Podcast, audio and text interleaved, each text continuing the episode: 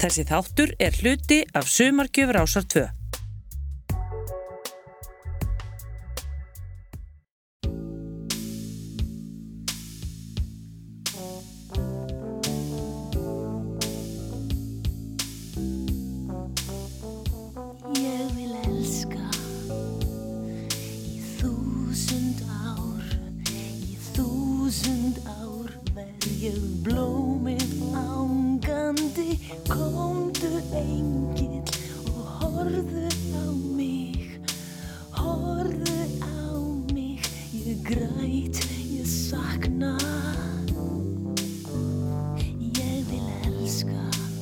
Komiði sæl og gleðilega hátíð.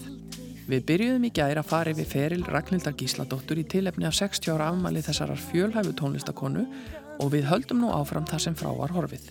Ég heiti Hulda Geistóttir en Gunnlaugur Jónsson og Áskir Eithórsson sá um dasgrákjörð og samsetningu. Árið er 1983. Þegar hann er til svæðis þá fíla ég mig alveg sjúklega vel ég finn kikkið og allt verður æðislega hefi. Ég reyna að fríka út en ég meika það ekki því hann er svo meiri áttar þegar ég fer að bömmir Þá verður hann svo speysaður, ég meik ekki sens, ég kott á búsið og allt verður gjössamlega glatað. Ég reyna að akta kúl en ég meika það ekki því hann er svo meiri háttar. Fyrsta og eina breyðskifan sem grílurnar sendu frá sér var Mávastellið sem kom út árið 1983. Virtur breskur upptökustjóri Louis Austin sá um stjórn upptöku og hjálpaði til við útsetningar í hljóðrita í Hafnafyrði. Austin var upptökustjóri á plötunni í mynd sem Ego gaf út ári fyrr og hann hafði auk þess unnið með stórsveitum á borði Fleetwood Mac og Queen. Ragnhildur fóð með honum til Englands og þau hljóðblönduðu plötuna í Startling Studios sem var á heimili Beatlesins Ringo Starr og í eigu hans. Þegar við vorum að taka upp máastelið þá var þessi Louis Austin upptökumæður. Þetta var tekið upp á alveg klikkuðum tíma í janúar, það var alveg snar brjála viður og þessi gæi, hann kom hingað heim sérsagt, var hérna yfir áramútin og fram í janúar, hann tók sér bíl á leigu. Hann hafði fengið Subaru, fjöra hjóla drifa og hann pikka okkur alltaf upp og komst bara fram úr öllum í óferðinni, það var svo mikil snjór og það var bara mætt alltaf glenn tíu mótana. Hann rúlaði sér í jónu svona nokkrar á mótnana sem hann hafði yfir daginn. Hann var ofvirkur og ég bara skildi ekkert í þessu hvernig hann gatt haldið sér svona hressum allan daginn einhvern veginn á þessum grasi sem hann var að reykja allan daginn sko. en hann var skemmtilegur og jákvæður og líka svona nákvæmur í að við gerðum þetta vel upptökundan gengur bara rosalega vel fekk svona lánaða synda til þess að nota við upptökunar og það bara spennandi. Hann svona kunni að, stilla þetta allt og hjálpa til. Svo fyrir við út til London að, að mixa þetta og það var bara mjög skemmtilegt. Heima hjá Ringo Starr það var stúdíu í kjallaranum og hann hafði oft verið að vinna þar á vinnu svonarnas Ringos. Það var bara líka spennandi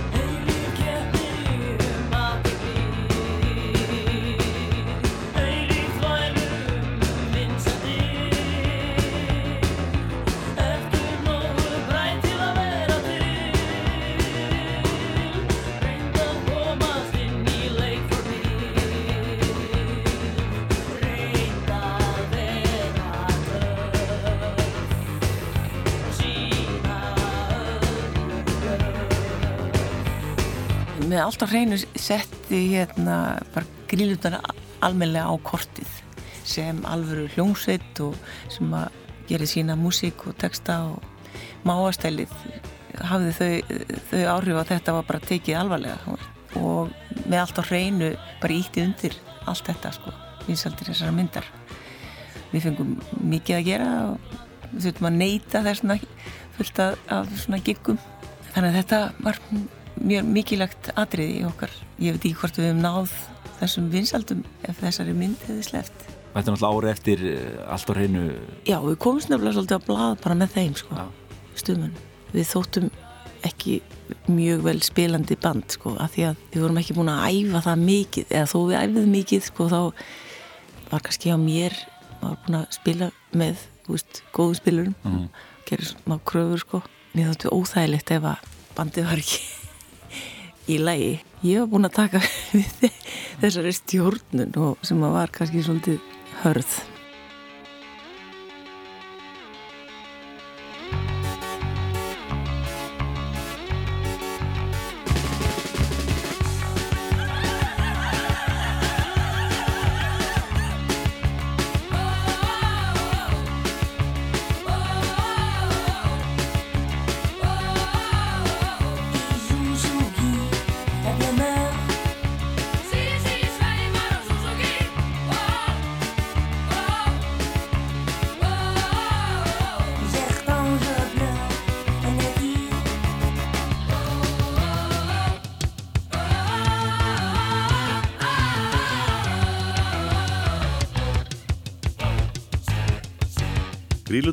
Og lægið manna Sisi sem fríkar út og sveimar á Suzuki svo fátt eitt sé nefnt. Lægið var hljóðblandað í Startling-stúdíóinu heima hjá Ringo Starr eins og áður hefur komið fram. Ég átti lötusport gula og samti og mikið bara í henni þegar ég var að keira.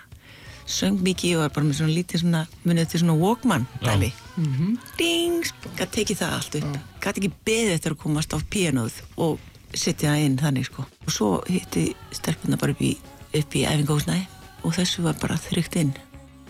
Á tíma voru við með þá var Eiríkur Haugsson að róta fyrir okkur. Og hérna Sigurgir Sigmunds. Og ég man alltaf eftir ég hef búin að vera að syngja ástardúettinn fyrir stuðmenn að það var á lögadegi og það var ball fyrir austan á, á borg í Grímsnesi. Þannig ég þurfti að Jakob hérna Fríman þurfti að keira mig eftir upptökunar í stúdíunum beint austur á ballið og þegar ég kem inn þá er Eirikur Haugsson að syngja Sísi fríkar út. Ég manga að það var sérkennileg tilfinning. Þeir voru alveg frábærir rótarar tæknumenn, skemmtileg þeir voru náttúrulega góðu vinir og þeim fannst þetta svona skemmtilegt að vera sníklast aðna í kringum okkur sko. Við vorum hefna með það að þeir gáttu náð út úr þessu vonda söngkerfi eins og hægt var sko. en eins og þetta að Eirikur hafi hlaupið þarna í skarðið fyrir mig. Var náttúrulega alveg frábært og nú ofta talum að það þurfum að gera meira þessu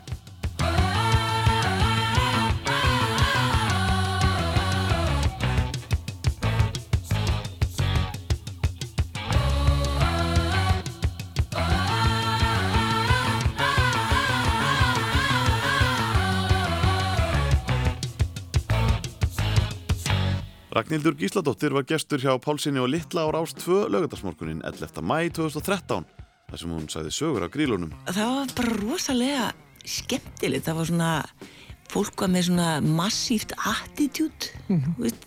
Og þið fenguð að vera með attitút, stelpur alveg... með attitút, það var nú ekki mikið um það í galanda? Já, við, við vorum með attitút, þú veist, svona með tungun út í kynna aðeins líka, sko. og veist að, að hérna, við lítum alls ekki á okkur það var miskilingur, við litum ekki á okkur sem pöngara þó að við höfum kannski verið í rauninni með þessari svona hálgirðu, ef við getum sagt sko uppreist þá er það alltaf sko eiginlega me mesta pöngið sko. Það er mikið pöngið Skilur, þannig að það er bara á þess að við áttum okkur á því að því að við vorum bara alveg í sannleikonum sko. Máastælið fekk fína dóma hjá poppressunni Andrea Jónsdóttir dæmdi plötur fyrir þjóðviljan voru 1983. Máastælið er í heild alveg þræl skrítin plata. Þar maður finna pop-rock eins og Sisi sem hefur náð skjótustum vinsældum af stælinu, rock og svo alls konar gríluflip sem mörgum hefði kannski fundist mikill töffaraskapur að setja á plötu. En íslenskir plötukaupendur hafa sínt að þeir kunnað meta sjálfstæði og músík þeirra grílna með því að koma máastælinu í efsta sæti þessa vikuna að minnstakosti yfir söluhestu stóru plötuna. Rockskrýpendin Sigurður Sverrisson var ekki hrifin af grílunum á fyrstu tónleikum þeirra voru 1981 og ekki fekk fjögur að laga platan góða dóma hjá honum. En það hvaði annan tón í dómi Sigga Sverrisum mávastellið fyrir morgumblæðið. Ef ég gengi dagstælega með hattahöfði, liti ég mér ekki næja að taka hann ofan fyrir grílunum. Ég myndi geta hann líka. Það skal ég segja hreint út að máastælið grílanna komir stórkoslega óvart í alla staði. Vissulega hafi gert mér grein fyrir framföru þeirra, En á þessu átt ég aldrei von. Máastælið áttir að vera í fremstu röð og meðal íslenskar hljómplatna í ár. Ég segi kannski ekki svo besta, en í flokki með þeim allra allra bestu. Bravo, grílur, bravo. Í kringum útgáfu plötunar gekk á ýmsu hjá grílunum. Þær fóru til bandaríkjana í marsmánuði og spiluðu á átta tónleikum, bæði í New York og Los Angeles, þar sem þær kölluðu sig The Witches. Sveitin fór svo í þryggjaveikna tónleikaferðum Norðurlöndin í júni og þar kallaðist bandið Hexene, en ekkert var það fyrir hugуðu ferðalægi um meginlanda Evrópu og ekki voru grílutnar allar á því að sækja eitti áfram á Erlend mið. Þegar heim kom ákvað Herdís bassaleikari að hætta í hljómsettinni. Hún hafði nýlega eignast bann og treysti sér ekki til að halda áfram harkinu. Aug þess þurfti Linda Trommari að fara í nýjaðgerð og því var ákveðið að grílutnar tækju sér frí í fyrsta sinn. Ímsar tilraunir voru gerðar til að skiptum bassaleikara í hljómsettinni næstu vikurnar. Erla Ingadóttir, bassaleikar í dúkulísunum, var bóðið í pröfu og sagan segir að leikonan Hanna-Maria Karlsdóttir hafi einni verið beðin um að taka sér bassa í hönd. Inn á skiptingin hafi þó ekki tekist og skömmu síðar hætti hljómsettin grílunar. Steinar Berg kemur okkur á svona Norrlandatúr og, og þar voru okkur bara hérna, tekið alveg rosalega vel. Og þær fara út gengur mjög vel, gengur eimsu, það, það, það er rándýrt dæmi, við reynum að koma þeim út eins ódýrt og hægt er með Ískargo sem var svona flutningafyrirtækið sem var að flytja fisk og ymsan varning millir landa. En það var ekki til peningu til þess að leia rótara eða, eða neitt svo leiðist þannig að þær eru það að róta og gera allt sjálfar. Og þetta tók hansi mikið á. Og kannski var banabiti í hljómsdæfum. Tilbúin voru bara alveg massíf þarna eftir þennan túr það var eiginlega það sem að mér þótti svo spælandi í þessu öllu saman sko. það var, það að lúfa fyrir því einhvern veginn og ég, hérna þetta verður eiginlega bara of mikið álag á þetta band og það er einhvern veginn liðast allt í sundur í það eins og gerist oft hjá íslenskum bönnum mm. sem fara út þau eru svona góðu vön kannski hér, þetta eru stuttarferðir mm. en þegar að ferðin eru svona langar og erfiðar og maður hefur ekki efna á góðum rútum þetta er bara hörmungar ástand sko. veist, fólk í fanginu og hvert að öðru bara veist, í klessu sko. engi peningur þetta er bara fólk er þreytt og það bara gefst upp og það er það sem gerist hjá grílónum sko. það, það er bara gáðast upp og tristu sér ekki í meikið eins og maður segir og ég er náttúrulega búin að vera áður og alveg í fíl eldi og vildi bara kíla á þetta og en ég gæti ekki, ég veist, dreyið hestinn lengra. Þannig að þetta bara fór sem fór og ég ég var alveg svakalega spælt mér finnst þetta spennand og skemmtilegt að geta staðið svona heitla á bakvið þetta, veist, sem var svona uník ég var mjög stolt af þessu bandi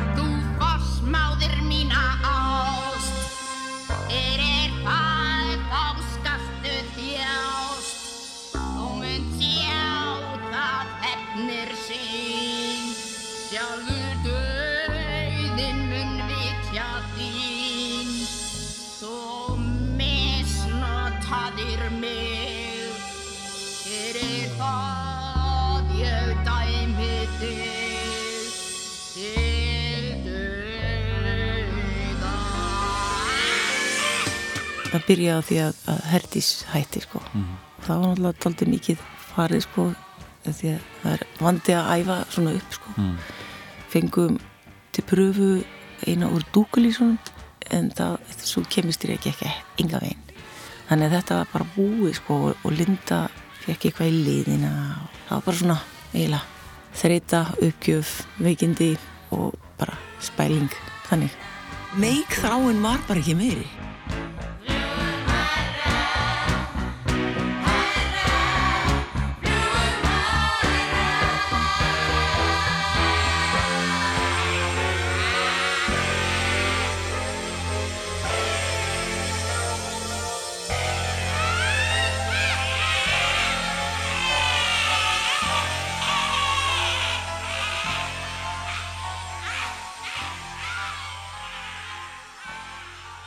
Rétt áður en grílunar hættu hafði Ragnhildur Gísladóttir sungið duett með verðandi eigimanni sínum Jakobi Frímanni Magnúsinni í stuðmannalæginu Það jafnast ekkert á við jazz á plötunni Grái fyrringurinn sem kom út sumari 1983.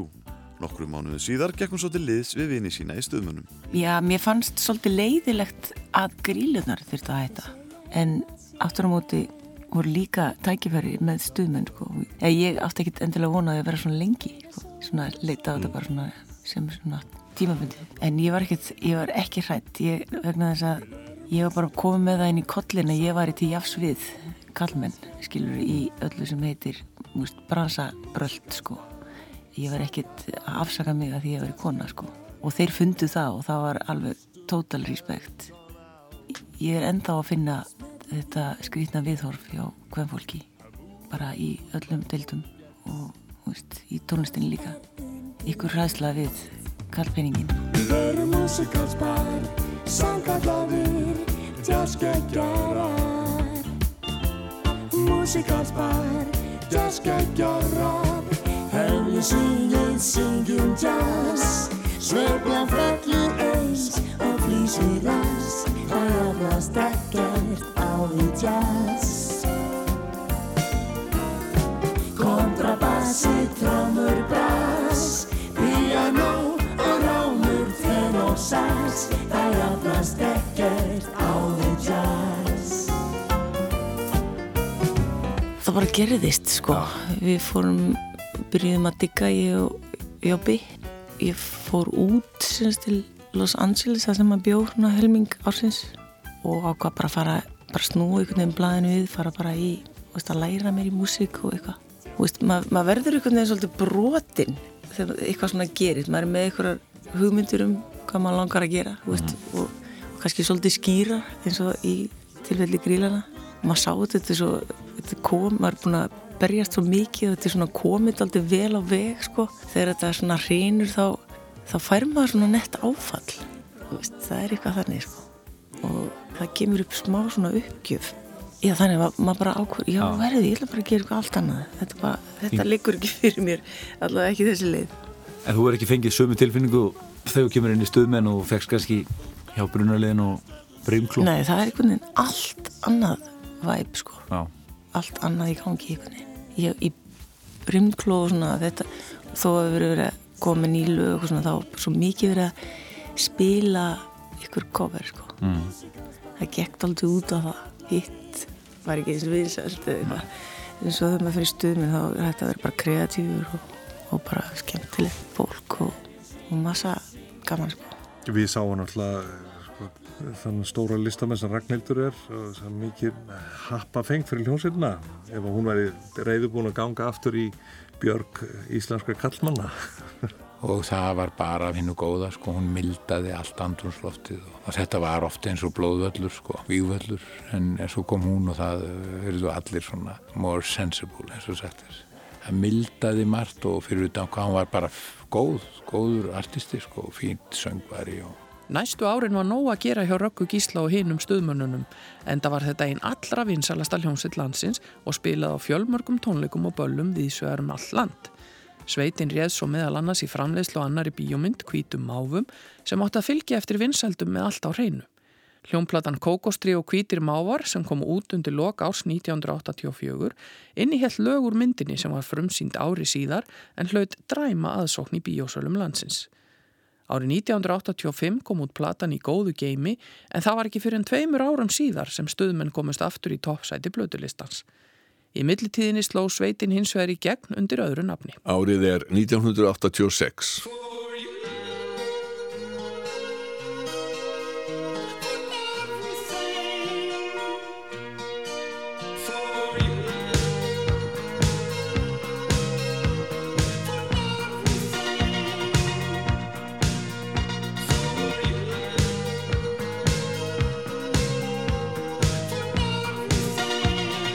Stöðmönnum var bóðið í heimsótt í Kína voru 1986 og varð sveitin þar með önnur vestræna popljónsveitin sem fór í slíka ferð en Wham var svo fyrsta tveimur árum áður. Sveitin tók af þessu tilefni upp nýtt útrásarnafn strax eins og Jakob Fríman Magnússon sagði frá í þættinum Geimtin ekki glemt á Rástvö. Okkur var bóðið að fara þarna í Kínaferðina og við ánum svona velta fyrir okkur hvort það var eitthvað að stitta eitthvað stuðminn eða einfalda það svona fyrir kynverðina og þá kom þessi hugmynd sem sagt eh, raggastöldu kalluðu RAGS. Og þetta voru eiginlega stuðmenn og rax ST og svo RX STRAX það var eiginlega hugmyndin sko, stuðmenn og ragnhildur. Og uh, við sem sé vorum notuðum þetta nafn hann fyrst í kínaferðinu og svo heldum við áfram með þetta svona sem halgett útibú og hliðarverkefni við stuðmenn Strax var í mánuð í Kína og spilaði á 11 tónleikum fyrir að meðaltali 2000 manns hverju sinni. Ragnhildur átti bátt með að finna nógu sterk orð til að lýsa ánægisinni með förina í viðtal við morgumblæði. Hún saði það hafa haft mest áhrif á sig hversu mjög kínverja hungraði í poptónlist og það hefði komið greinilegi ljós. Kínaferðin það, það var einhver hugmynd manns út í bæ sem að sá stuðmenn og bara vildi endilega kera það í gegn að kynna þessar hljómsett í Kína þar sem að hafði ekki verið mikið um popmusík, ég held að VAM hafi verið fyrsta popbandið vestrana til að spila þar. Þessi maður talti rétt að senda þetta band. Það væri stórgáslegt og við erum það bara að fara með og talaði við þetta vina samband Kína og Íslands til að finna út af því. Og það bara ákveði að gera mynd sjónvarsmynd líka. Og það voru 15 manns sem að fóru þarna og dvöldu í mánuð. Sjónvarsmyndin strax í Kína var sínd í sjónvarpinu á gamláskvöld 1986 á undan áramótasköpinu.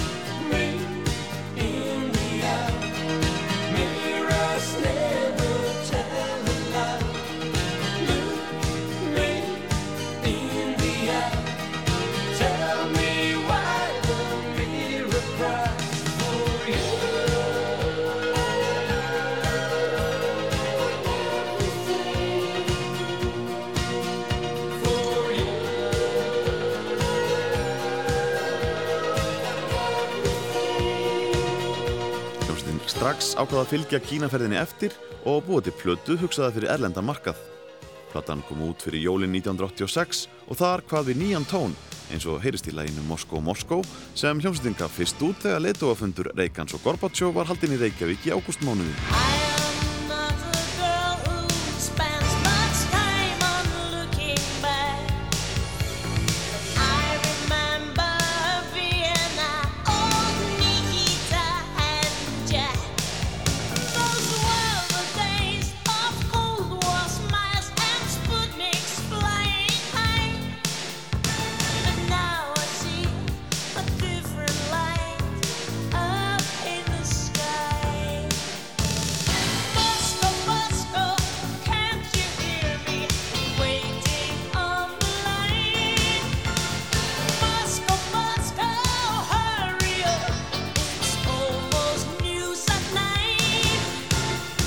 Næstu tveimur árum heldu Jakob og Ragnhildur áfram með straxverkefnið.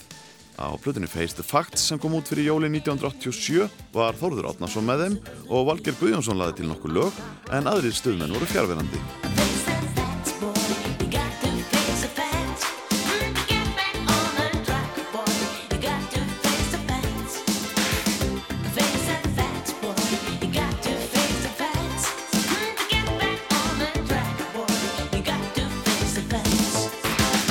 Þriðja og síðasta plata strax kom út 1988 og þar söng Egil Óláfs með Röggu og Koppa.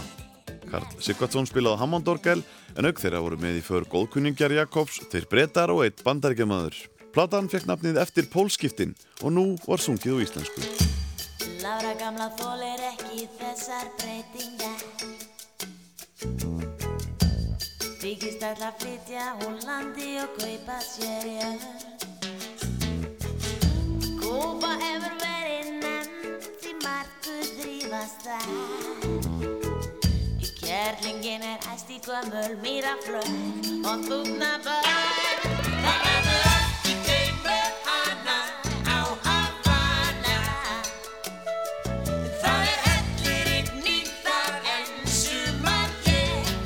Þetta var sem sé um, verkefni sem við uh, unnum í okkar heima stúdiói við Ragnhildur og vorum með okkur til liðsinnis Uh, okkar gamla vinn Preston Ross Heyman trommuleikari sem var nú með á Sumar og Sírlandi og uh, heilmikið spilað með mér og okkur gegnum tíðina. Túraði með stuðmönnum, fyrsta stuðmannatúrin og um, Busta Jones bassarleikara leik meðalans með Talking Heads og Sharks og fleirum og James Brown bandarísku blökkumadur Alan Murphy, gítarleikari var með okkur Karl Sigvardsson leik og orgel og Egil Ólason var með okkur í í söng og valger í anda. sagði Jakob Fríman Magnússon um Svanasöng hljómsveitarinnar strax eftir pólskiptin í útástættinum Geimt en ekki gleimt á Rás 2. En þá snúum við okkur aftur að stömmunum. Árið er 1987.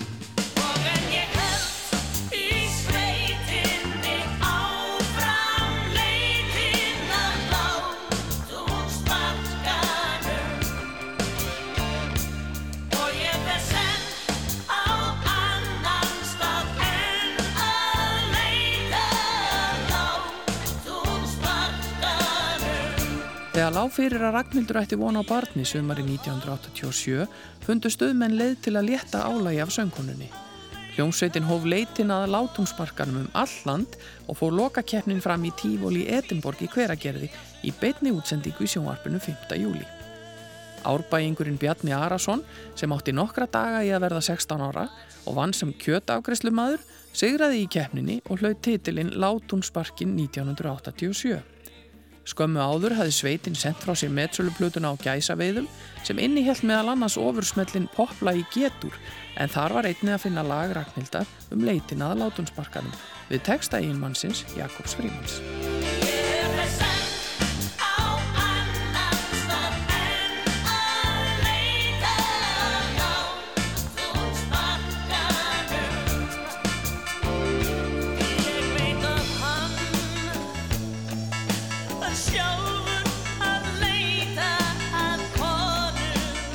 Þegar ég kynnist stuðmönnum þá er það alltaf mikið letir einhvern veginn að kynnast svona þessum þursum. Þeir eru svona frjóir í hugsun og rosalega klárir og, en svona allir svona egoistar og svona ákveðnir í sínu sko. Svona í gegnum þetta allt saman þá var þetta bara góðu tími rosalega góðu tími og ég lærði opbúslega mikið og margt. Þessi hljómsett er náttúrulega mjög frjó á sko, mörgum sviðum veist, í sambandi við tónlistina, í sambandi við bíó, í sambandi við svona kreativitet, veist, í uppsetningu á tónleikum og, og svona leikmyndir og búningar og þetta var svona, svolítið svona eins og sirkus, eins og verið í sirkus sem var spennandi. En maður þarf svolítið að vera svona að berjast fyrir sjálfuð sér sko, sínu, sínu veru veist, og, og það er alveg eins þeir að berjast fyrir sinni hver, hver og einn eins og ég að berjast fyrir mínu veist og það er auðvöld að segja bara já því þú ert kona skilur þá þú að berjast meira. Og það er kannski bara þannig í þessu öllu að þeir eru bara með sitt ríkti kallmenn hvort sem það er í hljómsveitum eða í hérna einhverjum fyrirtækjum eða, eða eru hérna fórsetar eða hvað sem er í, í heiminum. Þeir sem hafa haft sitt ríkti þeir vilja halda því. Þeir vilja ekkert missa það í einhverjar hendur kannski kvenna sem að hafa ekki reynsluna. Þannig er þetta veist, og var eða, eða, í þessum böndum sem ég kalla böndum sem ég hef verið í að maður þurfti að hafa alltaf mikið fyrir því að vera svona alveg tekind í asfið en svo kom það bara alveg að því að ég bara ákvað að fá aðstóð hjá svona heilara sem að kendi mér að verja mig veist, og kendi mér að vera svona sjálfstæð í mér sko ég þurfti svona alltaf að leita í eins og grílu attitútið og það að ok, ég er, ég er alveg með þetta. En hérna þeir eru bara fellega skemmtilegir velgefnir, klárir. Árið er 1989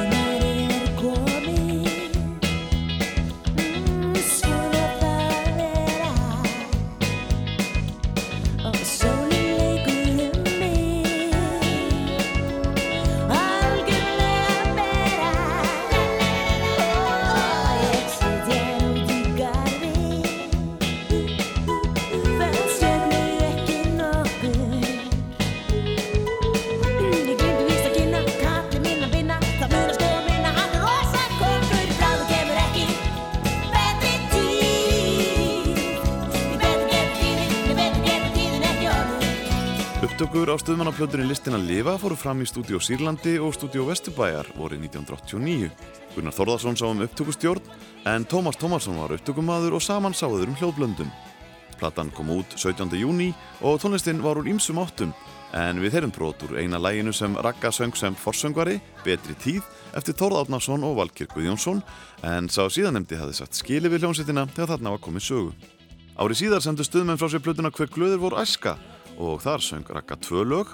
Annað þeirra var lag hennar Ég verð að prófa þetta aftur við texta Þórðar Átnarssonar. Árið er 1990.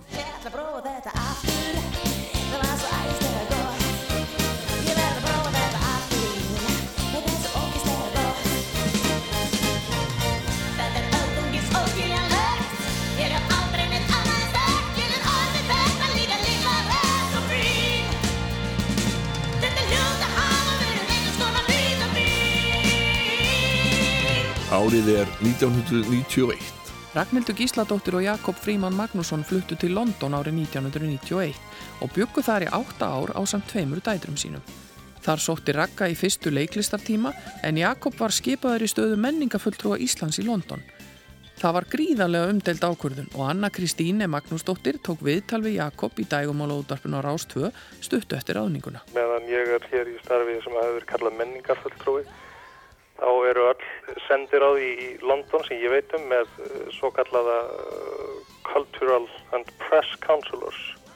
Það er að segja blaða og menningar fulltrúa, upplýsinga og menningar fulltrúa og það eru þeir sem eiga að koma ímynd sinna þjóða á framfæri reyna að upphefja þær náttúrulega eftir föngum og betrum bæta og í öllu falli að, að halda sínu nafni á lofti Þú sagðir í... Og það er nákvæmlega það sem ég er að gera og hef verið að gera sem ég kom. Ég er búin að vera hér í liðlega tvo mánuði og, og ég er núna búin að vera að setja á leggirnar elmikla eh, eh, síningu sem að verður hér núna um mánuðumótin sem að um, verður ég að reyndar á, á fleirin einu stað í landunum. Sýningin sem Jakob vísaði til var íslensk menningadaskrá og þar vakti mesta aðtikli búksláttarsveitin The Human Body Percussion Ensemble sem samanstóð af Ragnhildi Gísladóttur, kontratenornum Sverri Guðjónssoni og Sigurði Rúnari Jónssoni sem er betur þekktur sem ditti fyðla. Þremenningarnir börðu sér á brjóst og maga, söngluðu, stundu og kveinuðu svo úrvarðinn sérkennilegasti flutningur á gömlum og þjóðlegum íslenskum stefjum. Búksláttartríóði fekk mikla aðtikli í breskum fjölmiðlum og allir líka nokkru fjadrafóki á Íslandi. Í viðtali við morgumblaði eftir tónleikana sagði Ditti Fyðla að þau reynda að nota allan líkamann til að finna fjölbreytt hljóð. Dýpstýr tónar fengjust með því að berja á brjóstkassan og skemmtilega syngjandi tóna mætti fá með því að berja á tóman og strengtan maga. En margvíslegustu tónar fengjust með því að berja á höfuðið.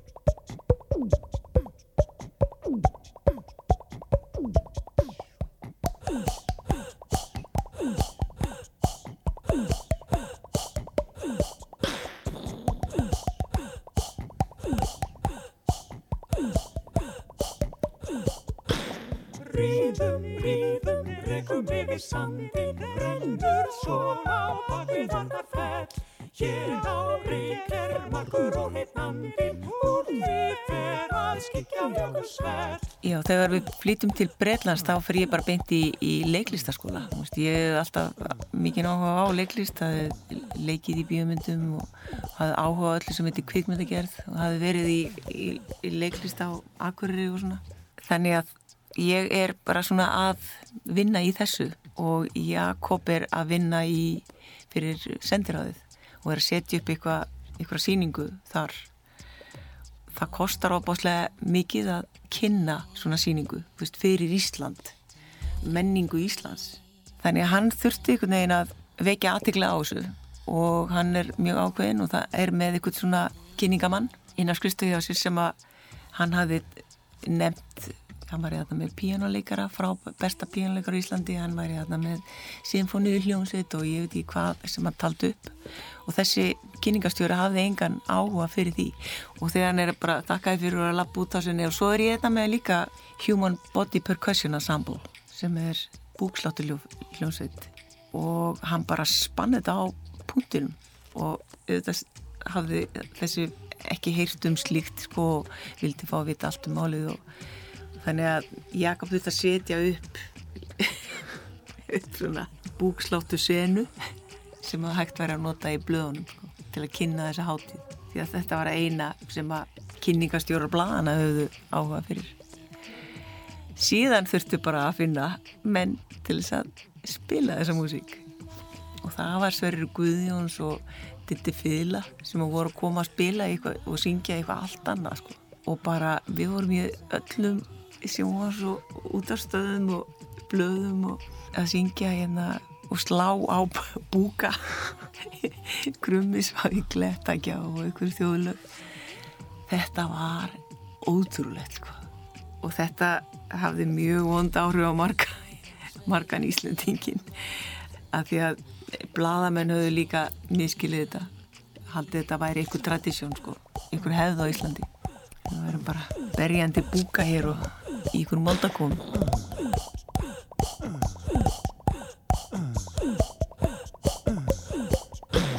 Búksláttar-atriði sló í gegn hjá þeim breytum sem sóttu menningadagskrána og tríónu var meðalannast bóðinn plötusamningur.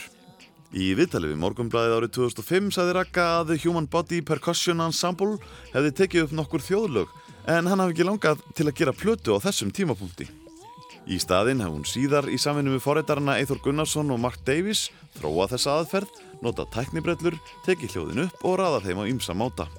Þessi þróunavinna hafi tekið nokkur ár og það hafði ekki verið fyrir nári 1999 sem útkom gestaplata undir merkjum Human Body Orchestra. Það átti að plötu með þessum þjólögum og þegar farið var að stað með það þá einhvern veginn var það ekki alveg að virka að mínum mati. Ég bara vildi ekki gera neitt meir í þessu.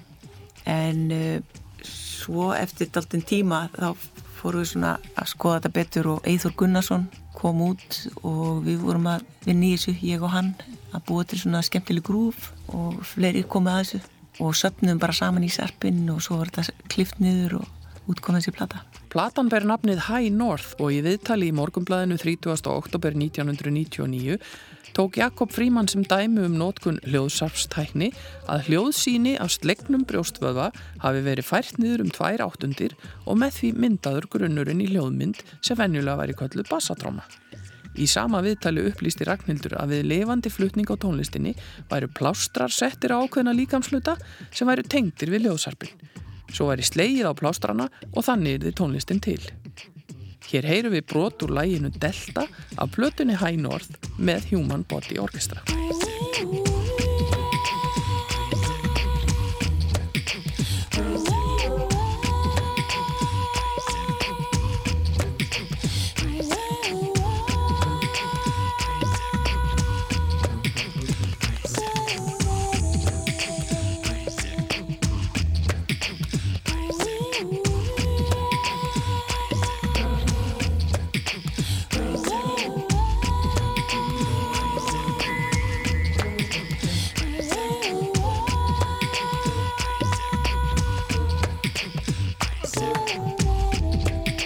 Miklar þreyfingar voru með útgáfu plötunar á erlendri grundu og lítið þýst fyrirtæki gaf hann út í Þískalandi, Östuríki og Sviss. Platan var svo endurunnin og endur útgefin fyrir erlendan markað hjá skífunni árið 2001. Myndband við nýja endur hljóðblandaða útgáfu lagsins Ghost Story með Human Body Orchestra var tekið upp á heldnum á Snæfellsnesi og miklar útrásavonir voru bundnar við útgáfuna. Ætlunin var að gefa hana út undir listamannsnafninu Ragga í Skandinavíu og Víðar í samfunnu við sænst útibú hinnar alþjóðlegu hljómblötu útgáfu Roadrunner Arcade en ekkert var úr þeim fyrirætlunum.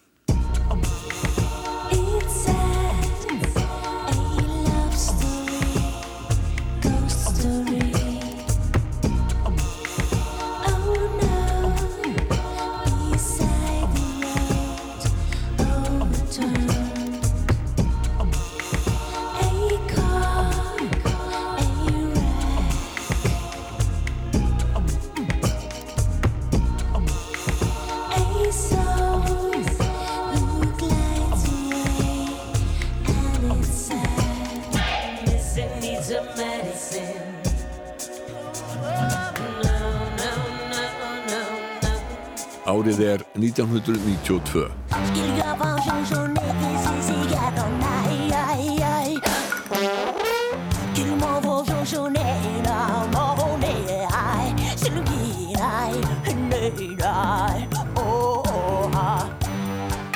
Rómbyggi í soloplata og þar er einmitt bullað út í eitt.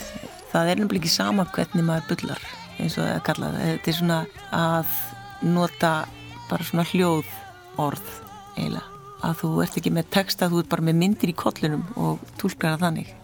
Rómbyggi er þannig, hún er bara improviseruð eiginlega frá að til auð Hilmar Örn er með mér í því.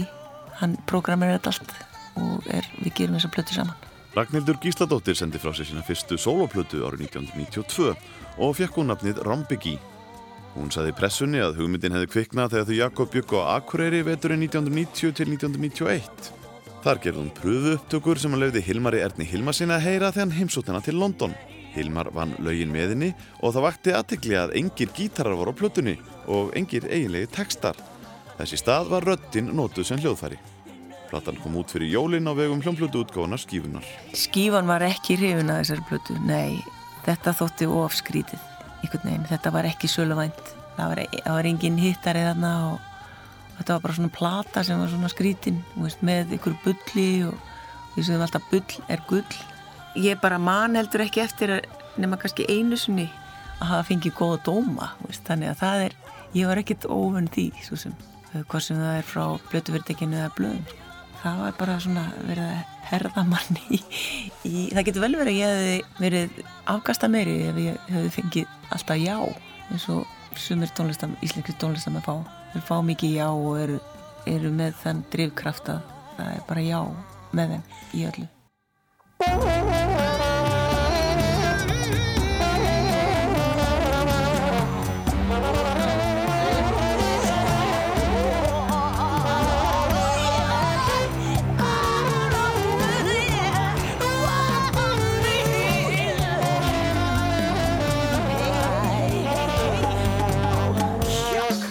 Kvikmyndin Karlakórin Hekla í leikstjórn Guðnýjar Haldósdóttur var frumsýnd í háskóla bíu undir loka árs 1992. Ragnhildur var í aðalhuturki á samt Garðari Kortes og stöðmanninum Agli Ólafsinni. Myndin segir frá Karlakórsferðalagi til Svíþjóðar og Þýskalands og Ragga leik sænskan píjánuleikara kórsins en tónlistina flutti Karlakórin fósbræður.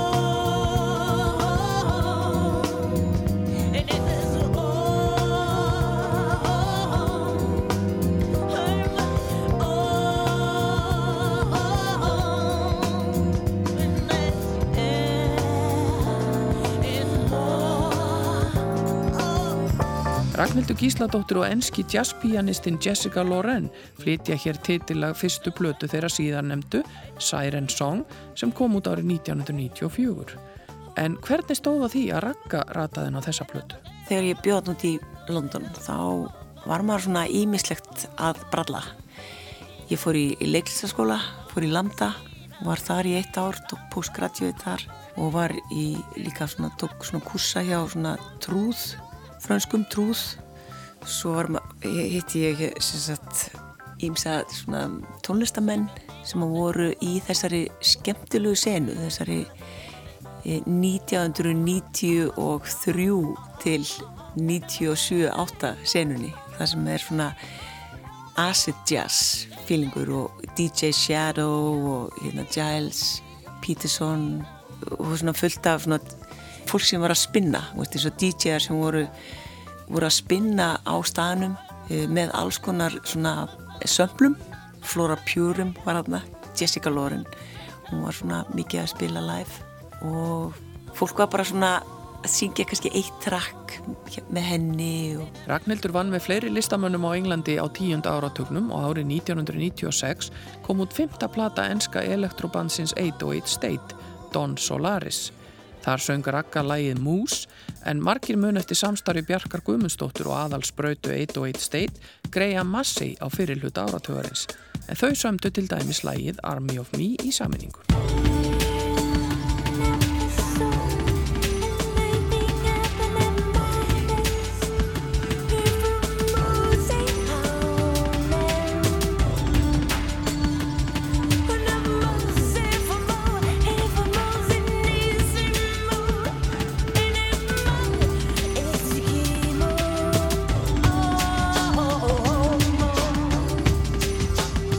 Krull svona sam sapna af alls konar fólki í þessum svona R&B og gaurarnir í hérna Massive Attack trikki, þetta var allt einhvern veginn í svona sama krull, krullinu sko.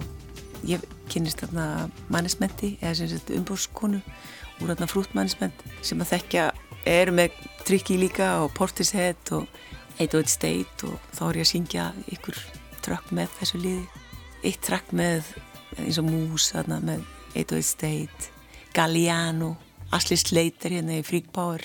Og þetta var bara skemmtilegt, það var bara gef, gefnar út bara þessar plötu sem voru bara verið að spinna þarna á kannski þarna bara ömbaklöpp sem var alltaf á mándaskvöldum þetta var svona skemmtileg sena. Þetta gerðist bara einhvern veginn. Og maður var ekkert að tala neitt sérstaklega mikið um það hér. Kannski líka bara því maður bjóða núti þetta bara var einhvern veginn lífið þar og út úr þessu kynist, kynist ég ymitt Pylon King sem að við sömtum hann að raka en Jack Matthew Orchestra I fight evil with evil. I fight evil with evil. Believe me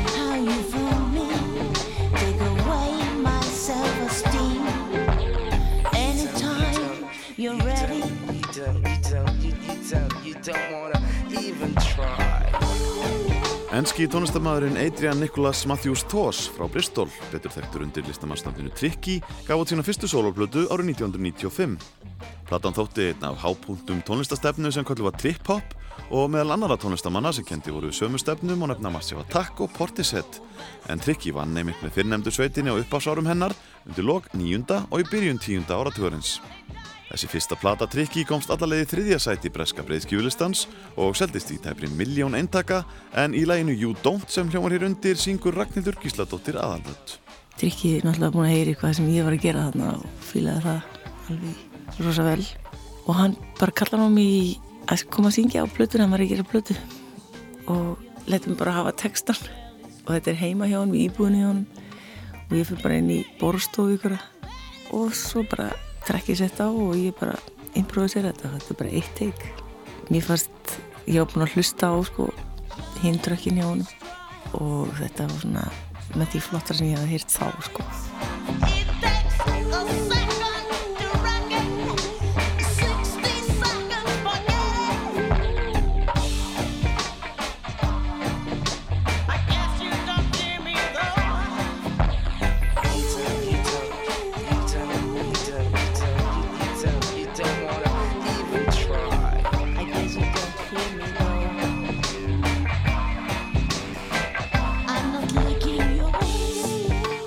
Árið er 1997.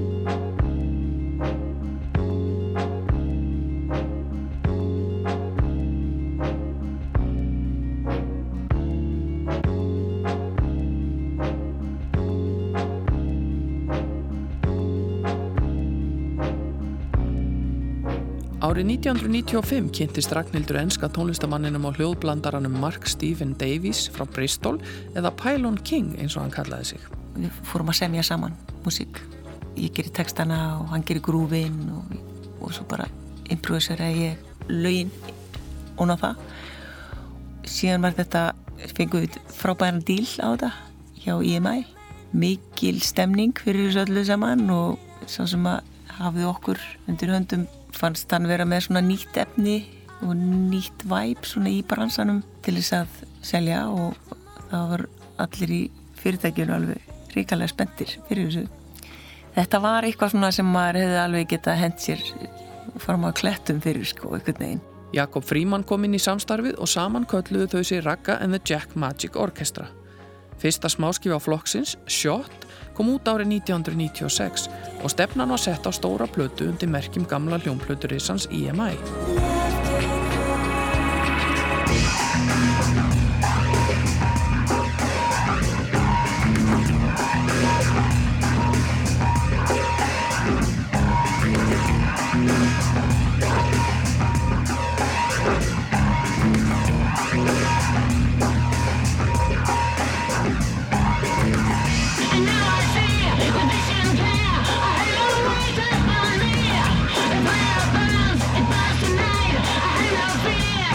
Ég var ekki mikið á sjálfsmáttuðinni sko. og hef eiginlega aldrei verið mikið þar sko. og það er kannski það sem að, sem að hérna, margir kalla hræðslu við fræð eins og með hérna rakkaða Jack Magic Orchestra sem að fekk rosalega fína, fína viðtökur ég og Mark sem að sömdum þá tónlist alla vorum bæði svona daldið eh, svona lítið á sjálfsmáttuðinni en og það þótti svona eiginlega ókostur og þykir maður þarf einhvern veginn svona að henda sér í selfieið á blasti til þess að meika það það er ekki mikið í mér og hefur ekki verið veist, það er sennilega bara þessi frelsistilfinning að vera ekki alveg á fullu þar Ragga and the Jack Magic Orchestra fylgdu fyrsta smáskífulæginu eftir á nýju ári 1997 með annari smáskífu og útgafu markmiðlunardisks. Bandi fór víða um sumarið, tróð meðal annars upp á Glastonbury tónleikaháttíðinni og tók þátt í tónleikunum Jam in the Park sem ennska hljónstinn Jamiroquai stóð fyrir. I love you, I need you, I want you this moment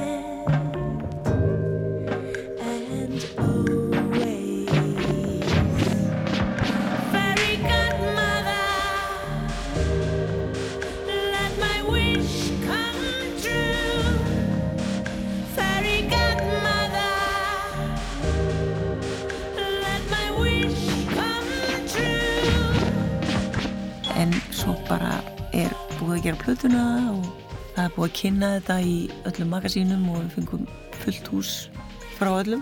Þá einhvern veginn er hann bara, svo sem að sér um okkur, hann er reiki frá fyrirtækinu pluss allt hans lið, sjö bönd og, og artistar. Það er alveg sjokkerandi og ég svona eiginlega bara misti móðin sko. Hvað kom upp á hann? Hann var börstaður með eitulífi ykkur flugvél, hann og ykkur yfir maður hjá franska ég mæ þetta var eitthvað sliðis sko. Eitthvað soliði skandal Ekkert var það því að platan kem út í Breitlandi en þessi stað gaf skífan hana út á Íslandi fyrir jólinn 1997 Við bara tókum bunkan með okkur inga heim og settum bara í sölu hjá skífinni það var svona soldið með skotti á milli lappanar sko. og einhvern veginn bara var ekki í stuði til þess að vera eitthvað að auglýsa þetta mikið sko. þannig að þetta einhvern veginn hún seldist, það voru svona nördar bara, þú veist, ykkur safnar veist, sem kæftu þetta og þetta bara svona rann út í sandin veginn.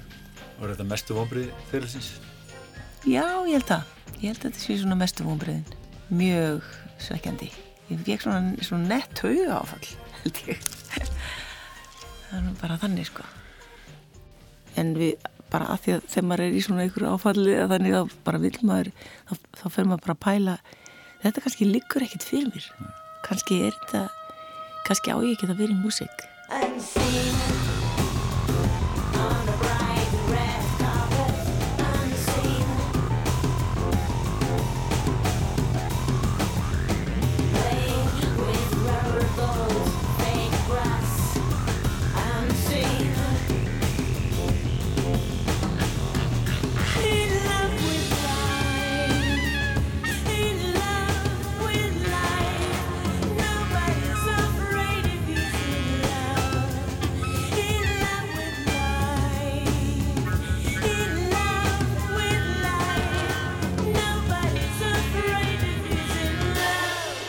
In Love With Life er, er, er lag sem við Mark gerðum fyrir Ragnar Jack Magic Orchestra. Það var bara ekki pláss fyrir það á blöðinni en það kom út bara svona í ykkur CD-ROM eins og það kallað, kom, kom út þar. Það er bara hérna, svo, bara svona sem við gerum saman. Það átti alltaf að gefa það bara út svona líka ef við farum í næstu blödu.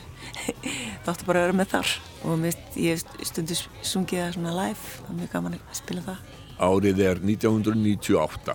En ég get ekki gert þetta því að ég er bara eins og ég er. Ég get ekki gert þetta því.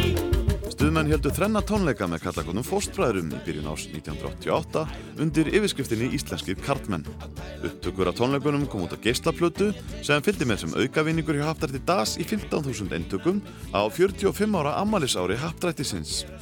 Um sumarið kom út fjóralega stutt skífa með stuðmönnum þar sem meðal annars var að finna sumarsmellin Ég er bara eins og ég er sem tryggði að sveitaballamarkaðurinn var nánast eign stuðmanna þetta árið.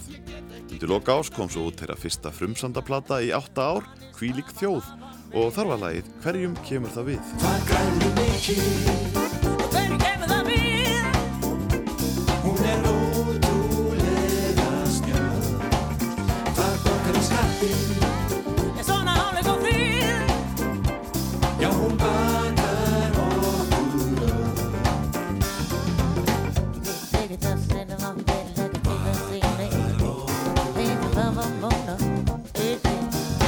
Auk þessa leik Ragnhildur Gísladóttir í kjökmyndinni Ungfrúin góða á húsið í leikstjórn Guðnýjar Haldósdóttur sem var frumsýnd 1999 en það er eitt af skemmtilegustu verkefnum sem hún hefur tekið þátt í. Mér fannst rosalega gaman að taka þátt í bíómyndinni Ungfrúin góða á húsið. Það voru í kossiletti bara allan daginn sko. Svona stórt og gott hlutverk, skemmtilegt og flott pródusjón og tók yfir langan tíma. Mér finnst það mjög inspirerand og skemmtilegt. Árið síðar var Raka hins vegar endalega flutt heim frá London og ákvað á þeim tímapunkti að halda í ymsar aðrar áttir með tónlistasköpun sína. Árið er 2000.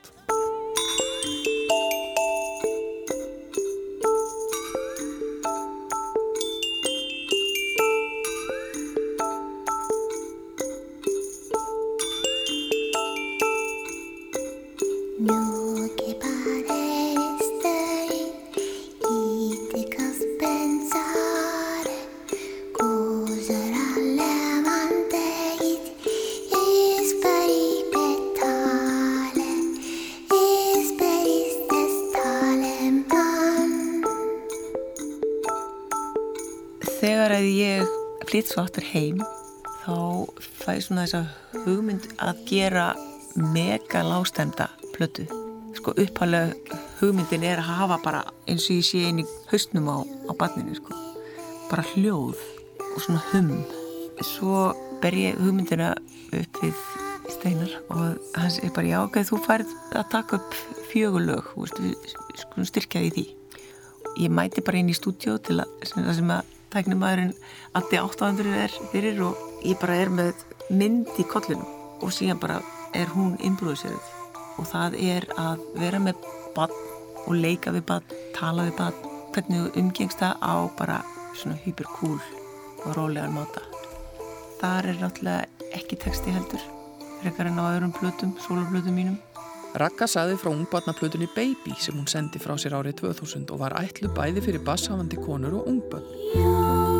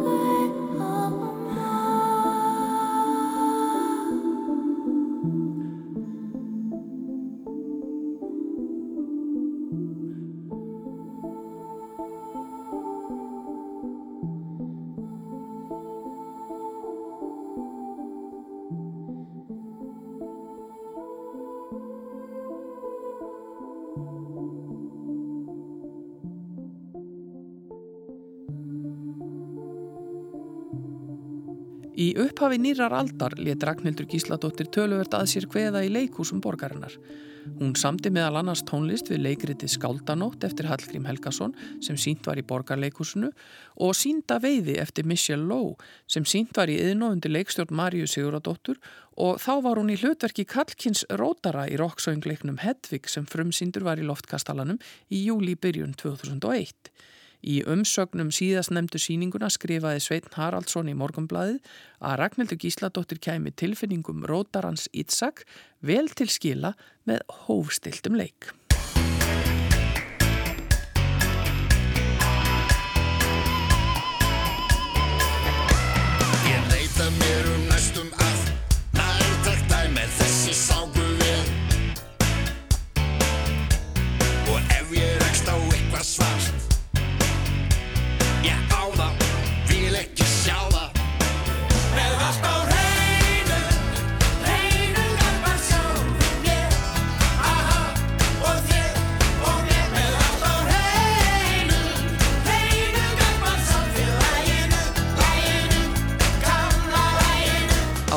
2001 voru stöðmenn með Ragnhildi Gísladóttur í brotti fylkingar komnir á fulla ferð á ný. Þeir gáfuð tvöfaldan sapdisk, tvöfaldabítið, fyrir jólinn og árið eftir tóku þeir sveitabala rúndin með trombi. Stöðmenn heldur líka tvenna hátíðatónleika á stóra sviðinu í þjóðleikúsinu árið 2002 sem voru hljóðritaðir og gefnir út undir lokásins. Eitt lagana á tónleikunum samti Ragnhildur fyrir kvikmyndina Stellu í frambóði eftir Guðnýju Haldóstóttur sem var sjálfstætt framhald myndarinnar Stella í Orlofi. Stella í frambóði var frumsýnd rétt fyrir jólinn 2002 og hér heyru við Egil Ólason syngja með stöðmunum aðalagmyndarinnar Mannst ekki eftir mér, eftir Röggu Gísla. Ég presta upp stöð fyrir að fá mér spar síðan síldinn par en það svo lítið langt til vinnur en hefða samt góð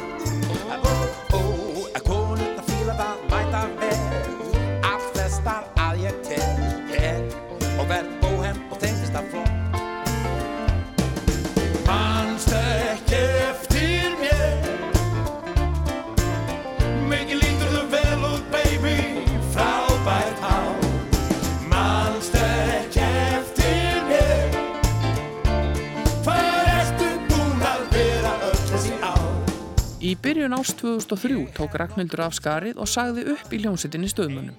En þá hafði verið ákveðið að gera framhald af kvikmyndinni vinsælu með allt á hreinu sem átti að fara í tökur árið síðar. og þannig ég bara held áfram og um, það var gafan að gera þessa mynd og allt það mér, sko, bara svona allt öðru vísi væp heldur en sko, með allt á hreinu Nýja stöðmannamyndin fekk nafnið í takt við tíman og sem fyrr var Ágúst Guðmundsson leikstjóri. Frumsýningadagurinn var annan í jólum árið 2004 og Fun Fun Fun var eitt af aðalögum myndarinnar. Árið er 2004. Hvað er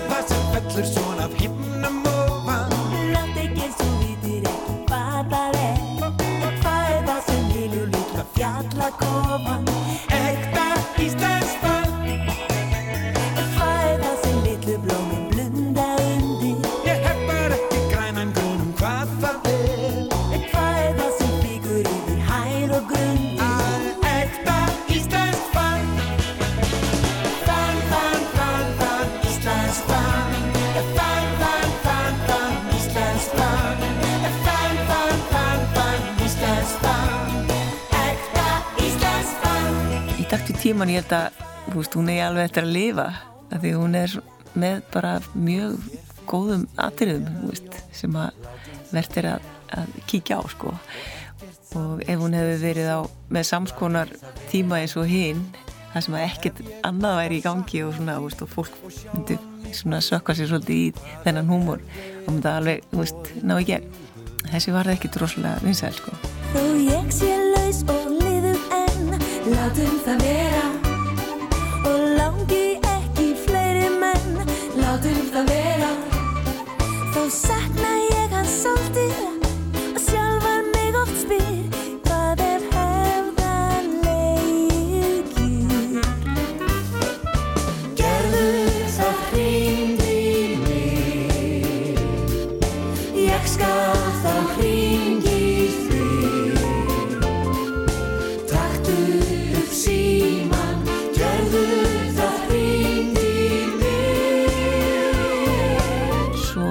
semst, eftir þessa mynd þá segi ég aftur upp og, og hérna, þá stendur Royal Albert Hall konsertin til og ég klára það og það er síðast ekki ekki af því að ég hef búin að plana að fara í listaháskólan og læra að fara í tónsmíðar. Mjög spennt fyrir því sko sem ég og gerði þá um hausti 2005 og líka mér fannst svolítið þetta að vera orðið svolítið gott. Þeir voru svolítið að keira þétt sem var ekki fyrst þegar ég gekk í bandið þá var alveg tekin langur tími í hlje á milli svona þessara rispa. Ég man einu sinni þetta var bara nokkur ár sem að var pása og ekki keirt svona þétt og því að þessi markaður er svo lítill hérna á Íslandi að þú verður í raun að taka lengri pásu sko nema og sért að fara bara að spila ykkur starf úti en stuðmenn eru íslenskir einhvern veginn og fyrir íslenska markað þannig að þeir verða svolítið að vera rólir í þessu Loka tónleikar Ragnhildar Gísladóttur með stuðmönnum voru í hinnu fortfræga tónleikahúsi Royal Albert Hall 24. mars 2005. Hún sagði viðtalið við morgunblæðið að hún ætlaði að snúa sér að eigin verkefnum og það sem stæði hæst varu tónleikar sem hún, Sjón og japanski tónlistamæðurinn Stomu Yamasta ætlaði að setja upp fyrir listaháttíð Reykjavíkum vorið. Verki var einnig flutt á heimsýningunni í Japan í júli sama ár og Ragnhildur hóf nám í tónsmíðum í listaháskólanum haustið 2005. Í byrjun november hlaut Ragnhildur svo íslensku bjarsýnisvelunin svo voru afhendi 2005. sinn. Fósetti Íslands, Ólafur Ragnar Grímsson, afhendi velunin við hátílega aðtöfni í íslensku óperunni en þau eru hugsuð sem viðukenning og kvartning fyrir íslenska listamenn. Árið er 2006.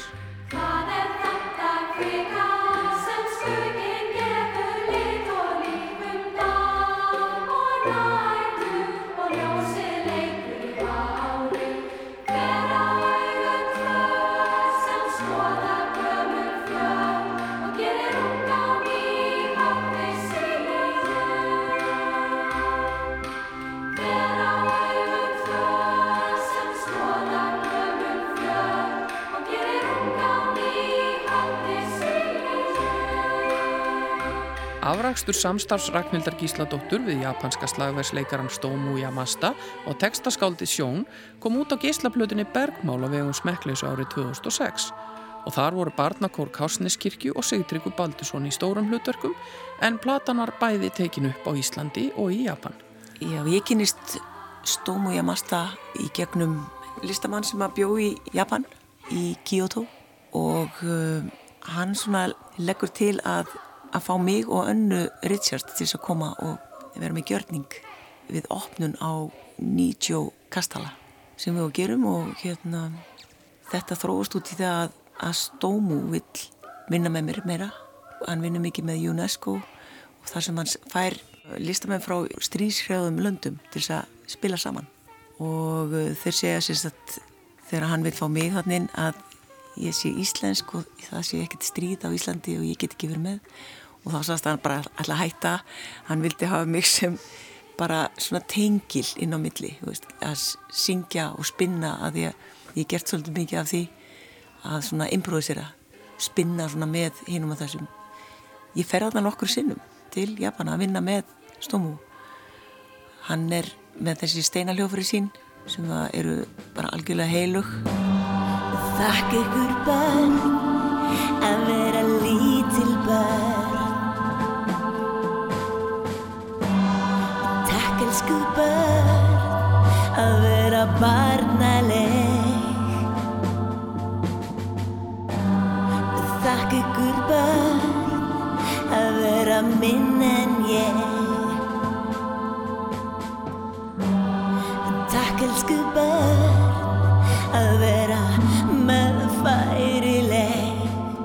Þetta verður til þess að við sjón gerum verk fyrir listáttið 2005 hann gerir textan og ég gerir músikina Stómu kemur inn í það.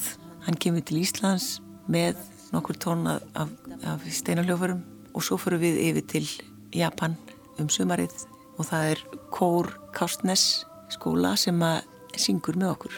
Þetta verður svona batna lítið svona batnaópera mjög skemmtilegt verkefni Árið er 2007 Ragnhildur Gísladóttir sá um tónlistarstjórn í bíómynd Guðnýjar Halldórsdóttur Veðramót og samti megnið á tónlistinni.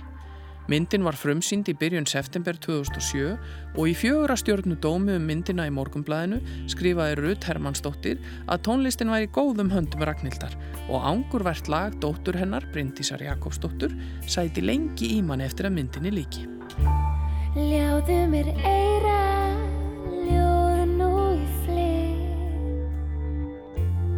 as the boy.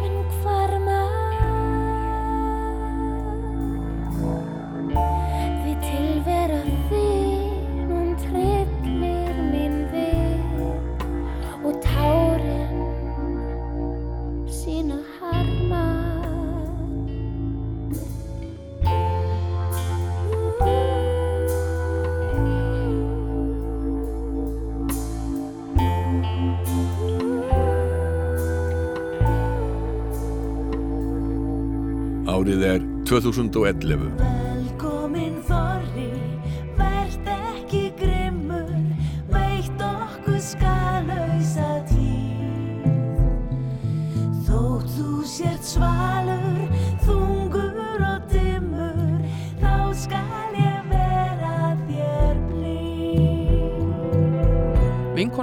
Ragnhildur Gísladóttir og Steinun Þorvaldsdóttir hafðu lengi velti fyrir sér hvort ekki mætti fagna þorra með einhverjum öðrum hættin að borða þorramatt.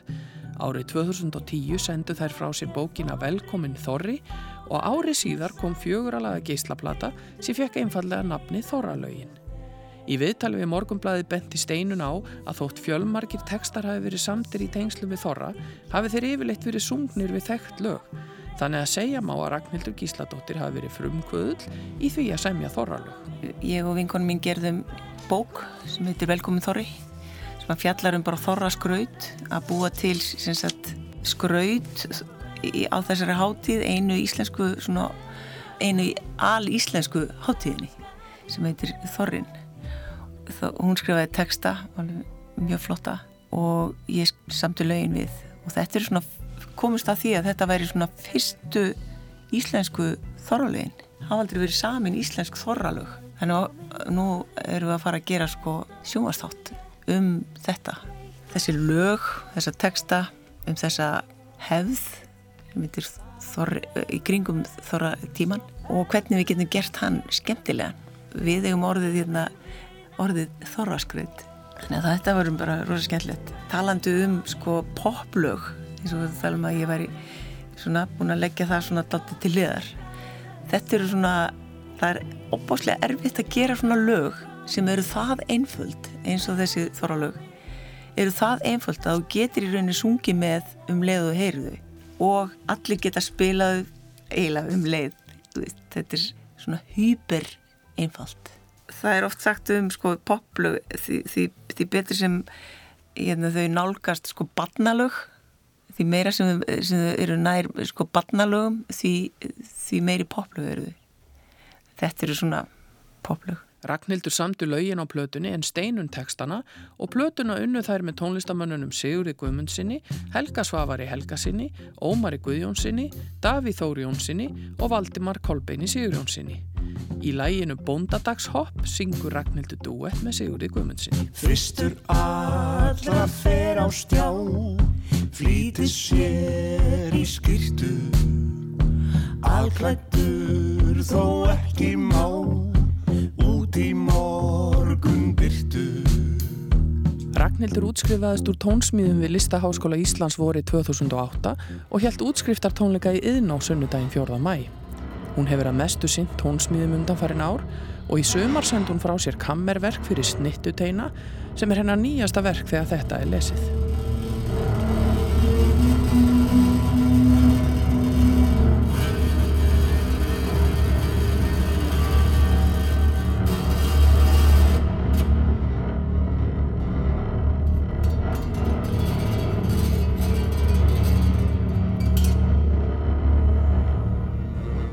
Byrjun ásins gaf Raka út verkið Túnfíbla Sinfoníuna eða The Dandelion Symphony á vefsíðu sinni rakkagísla.uk.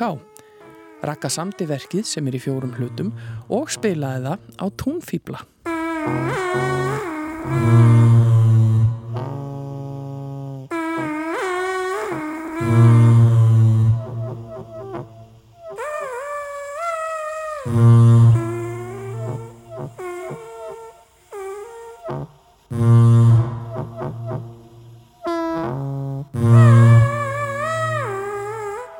Að spila á túnfífil er eitthvað sem að, kannski fólk gerði sem börn, ég, ég veit það ekki. Ég hafði ekki gert það.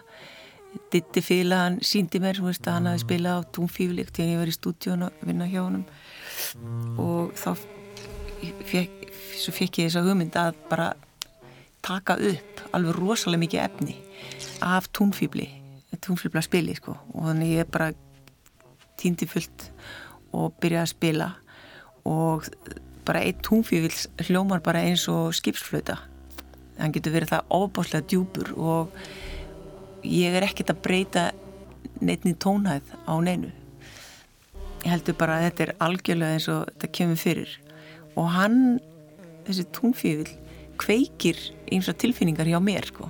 Kannski einn kveikir hjá mér bara jafnvel sorg meðan annar bara einhvern veginn kveikir hjá mér bara rosa gleði og þess vegna finnst mér veist, þetta að vera svona einhvern veginn svolítið lífið sko. Og túnfíðullin er einhvern veginn svo mikið að segja hann er svo umdeldur þú fagnar hann að það kemur á vorin en svo, viltu, svo getur ekki beðið þannig til að þú finnur stert eitur til þess að eigða honum bara algjörlega. Það verður að auglýsa það alveg grimt sko. Hvernig hann getur komið honum einhvern veginn út úr lífinu bara út úr garðinum. En ég er einmitt að gera verk þar sem að er samtal milli lífsins eða milli náttúrunar, milli túnfjöfilsins og mannsins. Og það er svona samtal aðeinslega fallegu texti sem að Kristín Ómars er, er búin að semja ymmit um þennan fjölbreytileika þennan eiginleika túnfjöfilsins sem er bara náttúran. Á næsta ári eru 40 ár síðan Ragnhildur söngin á sína fyrstu hljómplutu Hún ætlar ekki að fagna því sérstaklega með tónleikum.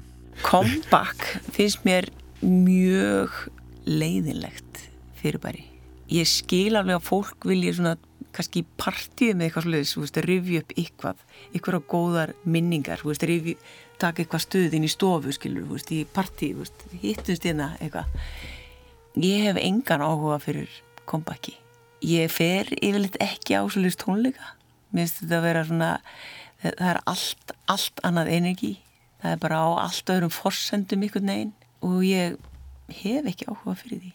Hvorki að fara á sluðis tónleika eða að gera sluðis tónleika en samt er maður sko að syngja þessi veist, svona, eitt og eitt lag frá gamla tímanum veist. eins og ef maður er að syngja og kannski, maður er beðnum að syngja draumaprinsin eða maður er beðnum að syngja veist, sísi fríkar út þá er það líka rosa gaman en ég myndi aldrei til dæmis kalli grílunar og segja bara heyrðu, nú erum við með tónleika í hörpunni eða whatever aldrei Þá er setni hluta umfjöllunar um tónlistaferil Ragnhildar Gísladóttur alveg að ljúka en hún fagnaði sextu sammali fyrra á árinu.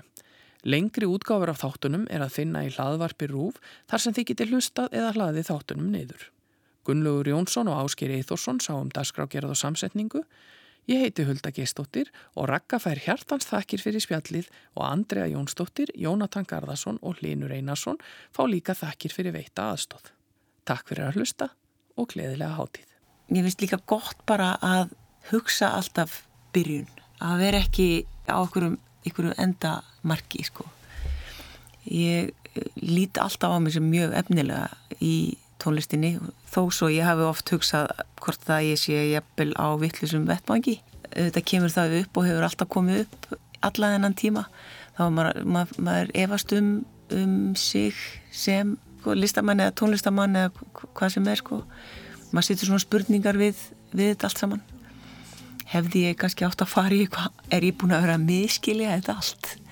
Og ég hérna mér finnst gott þegar ég fór í gegnum um listaháskólan að, að þegar maður dætt svona niður í, í það þunglindi veist, að efast svona stert um sig sem tónlistamann að þá var manni svona hjálpað upp og minn mentor Kjartan Ólarsson var alveg frábær þar. Og það sem að hefur svona hjálpað mér ofsalega mikið er að geta verið sjálfstæð í að taka sjálf upp mína músík og programmerana og það er bara frelsi sko, dauðans og ég er svo þakklátt fyrir að hafa bara hend mér í það komið mörg ár síðan. Ég er engin snillingur á, á því sviði en ég er alltaf að læra meir og meir. Og mér finnst það svo gott að vera alltaf að læra eitthvað nýtt. Og vera alltaf einhvern veginn á svolítið byrjun, byrjunarreit. Eiga allt einhvern veginn eftir sko. það er mjög spennandi og gleðu mig í hjartanum Ég vil elska í miljón ár í biljón ár þó ég breytist í kameljón. Komdu engil og syngdu með mér syngdu með mér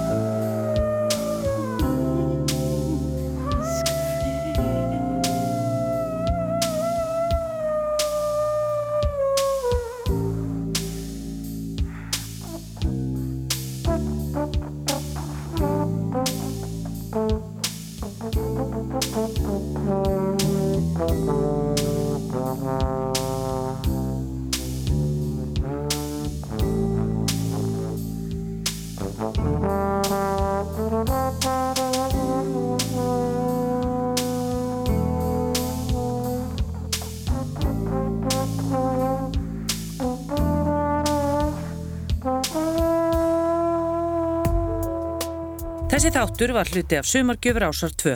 Þú getur nálgast fleiri þætti úr sapnir ásar 2 í spilaranum á rúf.is, í rúf appinu fyrir snjáltæki og öllum helstu hlaðvarpsveitum.